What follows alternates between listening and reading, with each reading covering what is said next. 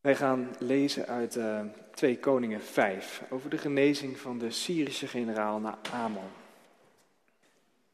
2 Koningen 5. Naaman, de bevelhebber van het Arameese leger, stond bij zijn koning in hoog aanzien en werd zeer door hem gewaardeerd. Want de Heer had hem voor Aram een grote overwinning laten behalen. Maar deze grote krijgsman leed aan een huidziekte die onrein maakt.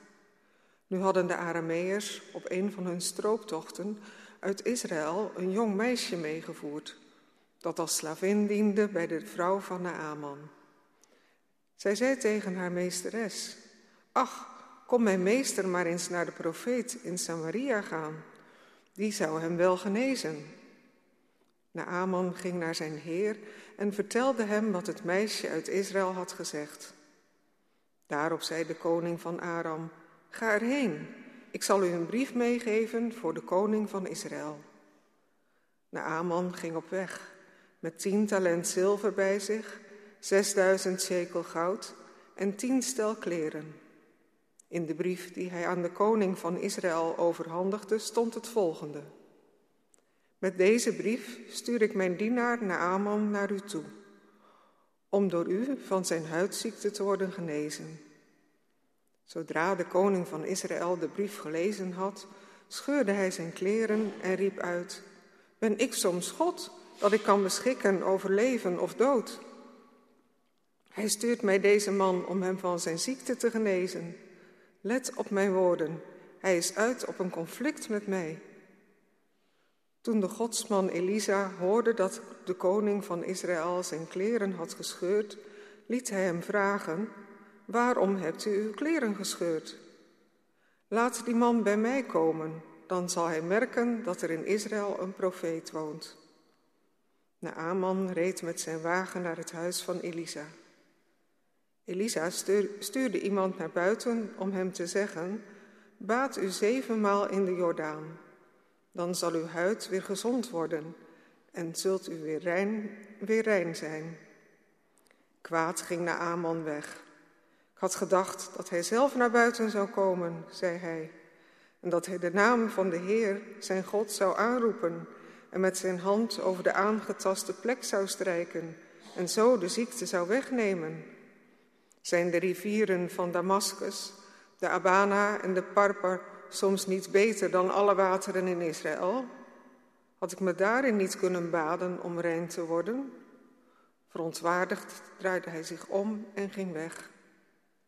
Maar zijn bedienden kwamen achter hem, hem achterna en zeiden: Maar meester, als de profeet u een ingewikkelde opdracht had gegeven, had u die toch ook uitgevoerd? Dus nu hij tegen u zegt: Baat u en u zult weer rein worden, moet u dat zeker doen. Hierop daalde Naaman af naar de Jordaan en dompelde zich daar zevenmaal onder, zoals de godsman had gezegd. Zijn huid werd weer gezond, zo gaaf als de huid van een kind, en hij was weer rein. Toen keerde hij met zijn hele gevolg naar Elisa terug, maakte bij de godsman zijn opwachting en zei: Er is in de hele wereld geen God, behalve in Israël. Alsjeblieft, neemt u een geschenk van uw dienaar aan. Maar Elisa antwoordde, zo waar de Heer, in wiens dienst ik sta, leeft, ik zal niets aannemen. En hoe Naaman ook aandrong, Elisa bleef weigeren. Toen zei Naaman, als u werkelijk niets van uw dienaar wilt aannemen, wees dan zo goed mij twee muildierlasten aarde mee te geven. Ik verzeker u dat ik nooit meer offers zal brengen aan andere goden dan de Heer. Maar ik hoop dat de Heer mij het volgende zal willen vergeven. Ik begeleid mijn vorst altijd als hij naar de tempel gaat, om zich voor Rimmon neer te buigen. En ik buig me dan ook neer in de tempel van Rimmon. Ik hoop dus dat de Heer het mij zal willen vergeven, wanneer ik me neerbuig in de tempel van Rimmon. Elisa antwoordde, Ga in vrede. Dit is het woord van God. Gemeente van Jezus Christus, broeders en zusters. Geneest God En, en mag je bidden om genezing? Dat zijn wel de grootste vragen als we het in de kerk hebben over genezing. En ik denk dat kerkmensen, dat, dat die er grofweg op twee, twee manieren in staan. Er is aan de ene kant een kamp van mensen die voluit beamen dat God geneest. Men doet aan gebedsgenezing, men legt de handen op, men bidt vurig om een wonder. En als de genezing niet direct komt, moet er nog krachtiger gebeden worden, nog intenser geloofd. God is een genezer. Iemand die op onverklaarbare wijze genas, geeft een getuigenis in de kerk. De dokters begrepen er niets van, maar hier sta ik, zegt de man op het podium. Amen, roept de gemeenschap. Halleluja. Er is ook nog een ander kamp in de kerk van mensen die erg terughoudend zijn. Als er iemand ziek wordt, dan bidt men eigenlijk niet om genezing. Ja, men bidt wel dat God de behandeling zegent, bijvoorbeeld als iemand naar het ziekenhuis moet. Maar om een genezing bidden gebeurt niet gauw. Genezing moet je volgens deze mensen nu niet zo letterlijk meer verwachten. Het is fijn als het gebeurt, maar zo met elkaar voorbidden. Nee, genezing is eerder iets spiritueels. Het gaat over het herstel van relaties en de heelheid van het leven, shalom. Weet je, zoals het lied wat we net zongen. En volgen wij heiland niet uw spoor, laten wij anderen bloeden, geven wij pijn en angsten door. Neem ons dan onder uw hoede, spreek uw genezend woord vol macht. Dan krijgt ons leven nieuwe kracht, spreek dan keert alles ten goede. En dan gaat het over Gods genezend woord met betrekking over, op eigenlijk heel ons leven. Dat we um, weer, weer teruggebracht worden in de heelheid van het bestaan. Of zo. Maar heel concreet genezen van een ziekte wordt daar nou niet mee bedoeld met zo'n vers. Ja, eh, grofweg dan, hè, zo twee kampen in de kerk, om het zo, zo maar even te zeggen. Ik vraag me dan wel af in welke hoek u zit, of dat u iets heeft meegemaakt misschien. Waardoor u zegt, ik geloof echt in genezing. Of juist dat u daar heel terughoudend in bent. Omdat u iemand verloren hebt. Terwijl er toch ook echt gebeden was om genezing. Ja, is dat lied wat we net zongen, is dat nou uw taal? Of is dat te wollig voor u? Mag het wel concreter? Geneest God nu nog mensen? Of is dat vooral iets van vroeger, uit de tijd van de Bijbel? Het ene kamp en het andere dus. Naaman, de generaal van het Aramees, het Syrische leger, die zit vooral in dat eerste kamp. Hij hoopt niet op een spirituele genezing. Nee, hij wil gewoon echt genezen worden van zijn huidziekte. Met veel bombarie wordt Naaman opgevoerd door de schrijver van twee koningen. Er worden best wel dingen over hem gezegd. Hij stond in hoog aanzien bij de Syrische koning, werd zeer door hem gewaardeerd. Hij eh, heeft ook een grote overwinning op zijn naam staan. En je ziet zo iemand al voor je, zo'n machtige man. Iemand die uh, je aandacht wel opeist als die binnenstapt. Maar hij is melaats, hij heeft een huidziekte. En dat, uh, ja, dat, dat, dat kan erg gevaarlijk zijn. In ieder geval besmettelijk kan het ook zijn. En in de tijd in het Midden-Oosten zou het kunnen betekenen dat je uit de samenleving wordt gebannen. Dan krijg je een status apart. Dus je kunt wel hoog in aanzien zijn en geëerd worden door de koning. Maar deze ziekte die knaagt aan hem, letterlijk en figuurlijk. En als Naaman dan via een Joods slavermeisje hoort dat er in Israël, in Samaria, een profeet is die hem misschien wel zou kunnen genezen, dan pakt hij dat ook met beide handen aan. Het is een strohal. En met een hele grote berg geschenken en een koninklijke aanbevelingsbrief, het is wel aardig natuurlijk hoe dat zo uh, gaat, gaat hij op reis naar Israël om zich daar aan het hof te melden bij de koning van Israël. Die koning die, uh, die heeft een niet-pluisgevoel. Die denkt, wat moet die grote Naaman hier bij mij in het paleis? heeft nog gauw misschien de rommel op weten te ruimen. Um, opeens staat hij naar Aman daar. En hij trekt zich de haren uit het hoofd, want hij, hij denkt, dit is een list. Hij is uit op een conflict. Ik kan die man toch niet genezen? Nou, het draait erop uit, dat hebben we net gelezen, dat uh, Naaman naar, naar Elisa wordt gestuurd. En dus gaat hij met zijn hele gevolg naar Elisa toe, met al zijn strijdwagens. En uh, daar komt hij aan. En zijn, zijn idee is toch wel dat hij dit wel een beetje in de hand heeft naar Aman. Hij komt met al zijn strijdwagens en met een groot aanzien. En straks zal hij genezen zijn en met een nog groter aanzien weer vertrekken. En dan zal dat een genezing zijn waar ze in Israël nog lang over na zullen praten, denkt hij. Hij is tenslotte ook niet de minste. Amen. Maar als Naaman met zijn gevolg, met zijn paarden en strijdwagens en geschenken en zijn koninklijke aanbevelingsbrief uiteindelijk aankomt bij het huis van de profeet Elisa, dan komt die Elisa niet naar buiten. Hij vertikt het. Dat is fantastisch. Elisa laat zich niet imponeren door dat grote vertoon. Vanuit zijn huis stuurt hij iemand naar buiten om tegen de grote Naaman, de man die alom gevreesd wordt, te zeggen dat hij zich zeven keer moet baden in het water van de Jordaan. Dat kleine riviertje van Israël. Dan zal u genezen. Nou, woest is Naaman. Hoe durft deze profeet hem zo te behandelen? Een loopjongen te sturen om hem te woord te staan? En dan ook nog de opdracht geven zich te wassen in die rivier? Die gore rivier van Israël. Zijn er in zijn eigen land geen rivieren?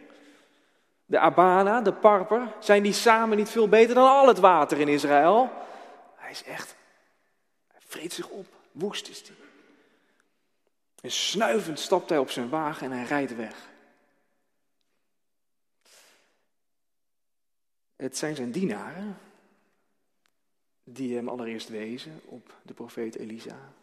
Dat ene meisje waar het aan het begin van de schriftlezing over gaat. En nu opnieuw zijn dienaren die hem achterna reizen en zegt, misschien moet u toch maar doen wat de profeet zegt. Stel dat het heel moeilijk was, u had het gedaan. Niks is voor u te moeilijk, toch? Nee toch? Doe dit dan ook. En hij laat zich overtuigen. En zo gaat Naaman naar de Jordaan. Schorvoetend, denk ik. En hij baat zich zeven keer de Jordaan in, dat water door. Door dat te doen beweegt Naaman van arrogantie naar teleurstelling. Van teleurstelling naar nederigheid. En van nederigheid naar gehoorzaamheid.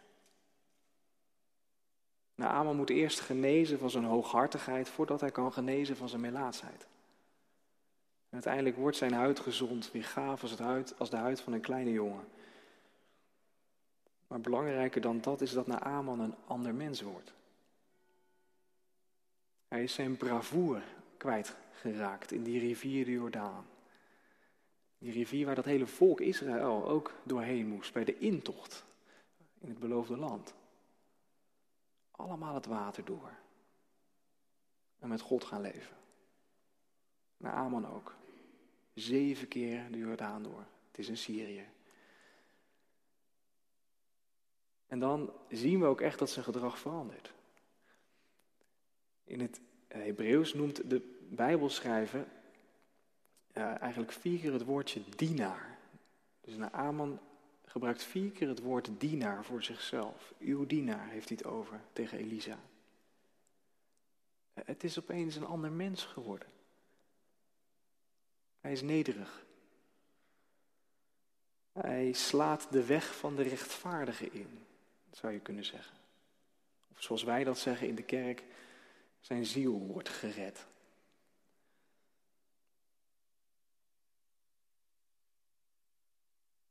Nou, een heel aardig verhaal, hè, zo uit het Oude Testament. En nou, we kunnen dat lezen als een van de vele genezingsverhalen in de Bijbel. En daar dan ook onze schouders over ophalen, er misschien van genieten. Maar ja, goed, wat, wat, wat moet je daar dan mee? Sowieso al die genezingen in de Bijbel. Dat is niet iets wat we in die mate zelf ook meemaken. Ik niet althans. Wat, wat, wat heeft dat eigenlijk nog te zeggen in een tijd waarin wij leven? Met gezondheidszorg en ziekenhuizen, behandeltrajecten enzovoort. Wat zegt het ons eigenlijk dat de Bijbel over God schrijft als een genezer? Nou wil ik eigenlijk een, een, theologisch punt met u maken. Ehm, en dat is heel eenvoudig. Um, in de Bijbel heeft genezing altijd te maken met verlossing, met redding, met zaligheid. Dat is eigenlijk de kern van wat ik nu ga vertellen, de tweede helft van de preek. Genezing heeft te maken met redding, verlossing. Een genezing vindt altijd plaats in een breder verband van heelwording. Genezing in de Bijbel gaan over bevrijding uit het isolement, waarin mensen soms opgesloten zitten. Denk aan een doof, stomme, afgesloten van heel de wereld om hem heen. Genezingen gaan over het herstel van relaties. Ze gaan over vergeving en over nieuwe hoop. En vooral de genezingen die Jezus in het Nieuwe Testament doet, die springen dan in het oog. Tegen een lamme man zegt Jezus, uw zonden zijn u vergeven. En de man kan ook weer lopen. De genezing en de verlossing hebben met elkaar te maken. De schoonmoeder van Petrus, die met hoge koorts op bed ligt, zij wordt door Jezus genezen. En meteen lezen we dat zij haar rol in het huishouden weer oppakt. Daar kun je natuurlijk iets patriarchaals in zien, maar je zou kunnen zeggen, zij pakt de rol weer op.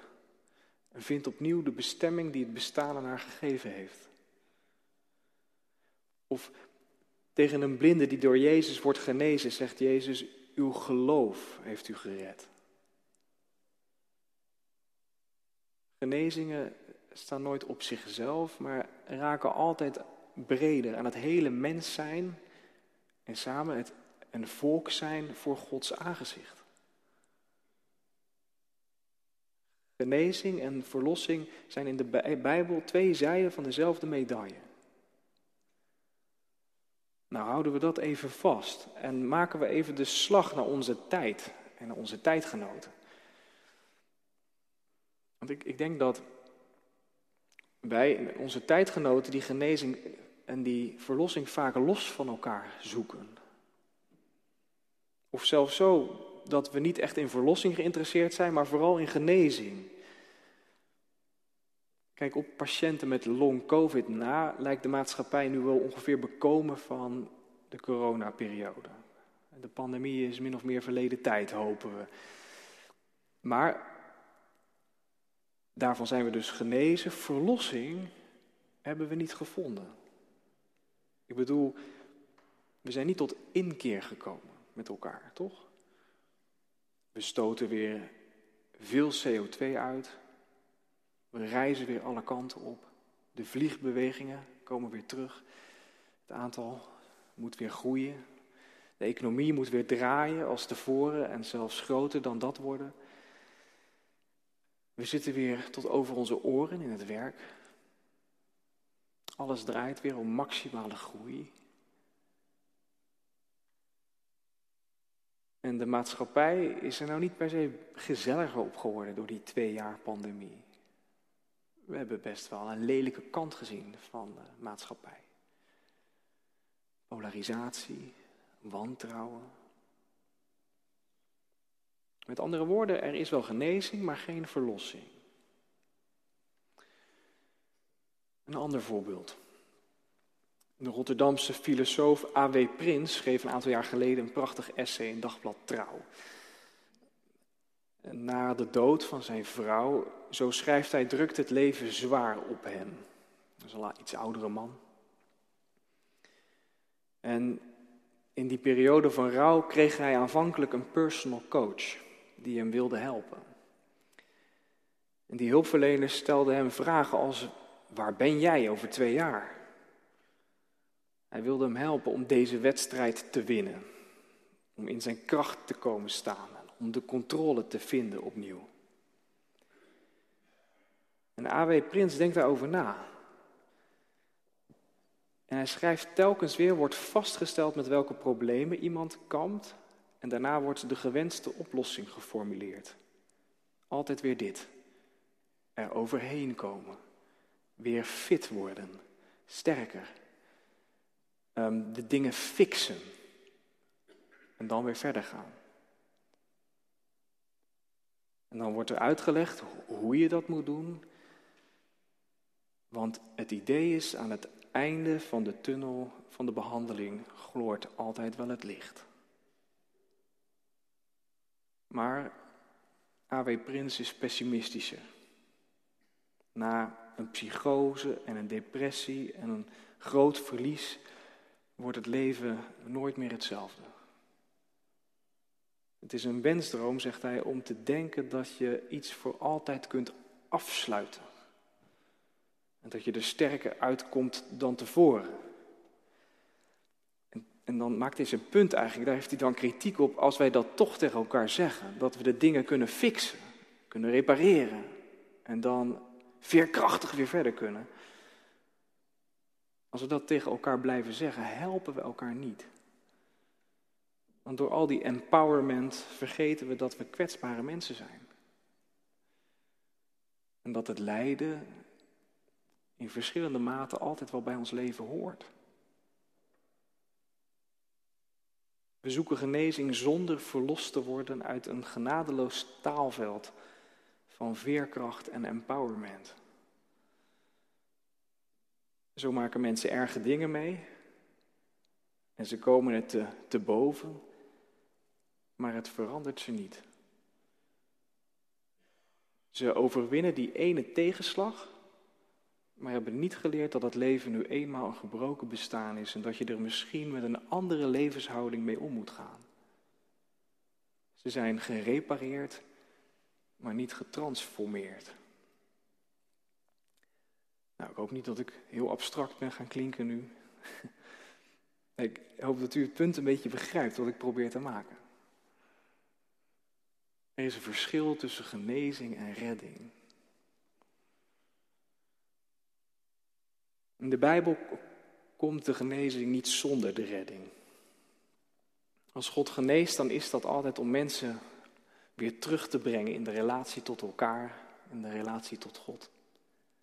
Dat is verlossing.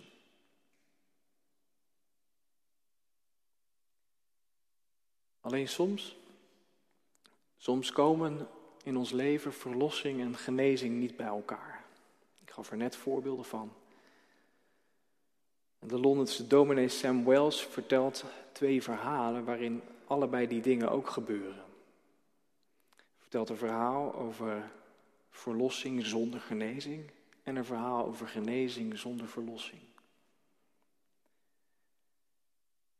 Het eerste verhaal gaat over een 14-jarige jongen die ernstig ziek is en gaat overlijden. En hij vertelt hoe die zieke jongen in die periode heeft gezien wie zijn echte vrienden zijn. Er is een enorme diepe vriendschap ontwikkeld tussen hem en een aantal klasgenoten. De ouders van de jongen, die kregen steun van alle kanten.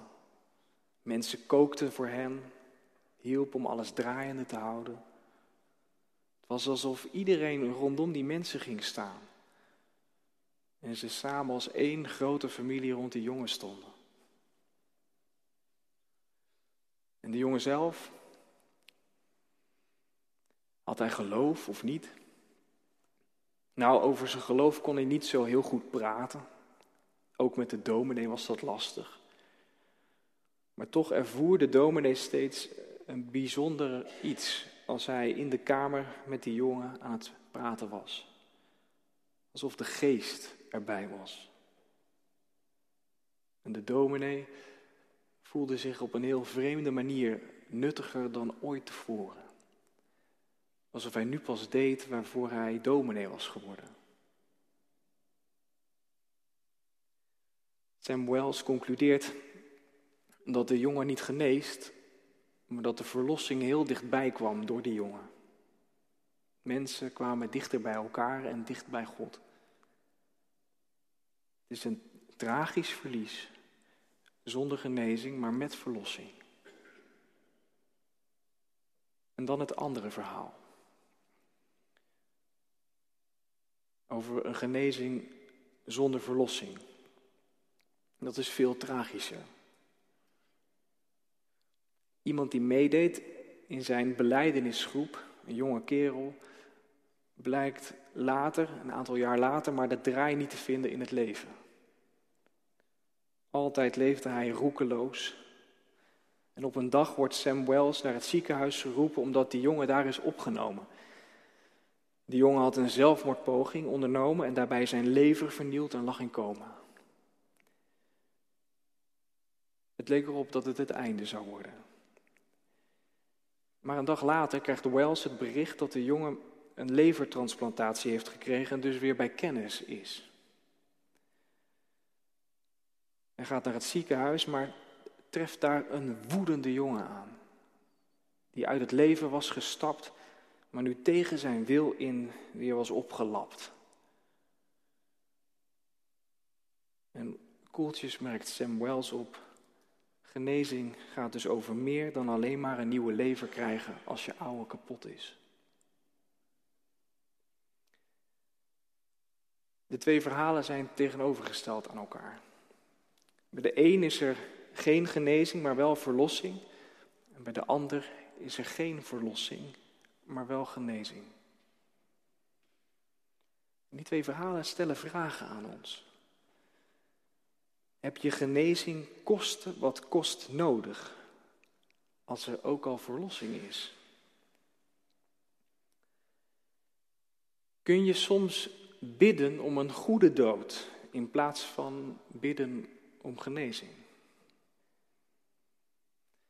En wat is de waarde eigenlijk van genezing zonder verlossing?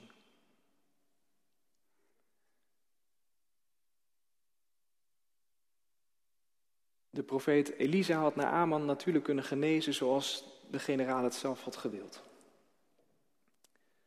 Maar in plaats daarvan doet Elisa het op zijn eigen manier. En hij stuurt die machtige bevelhebber vanuit zijn huis de Jordaan in. En dat doet hij omdat een genezing zonder verlossing niks waard is.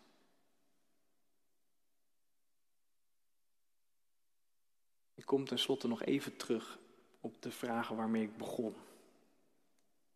De vraag geneest God en de vraag mogen we bidden om genezing. Allereerst geneest God. Ja, soms geneest God, geloof ik. Maar ook als Hij ons niet geneest, is het de verlossing die Hij ons schenken wil. Dat we dicht bij elkaar blijven en dicht bij Hem.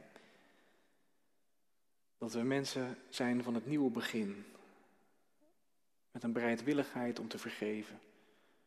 Inschikkelijk en liefdevol. Met een hoop in ons hart die niet is weg te slaan.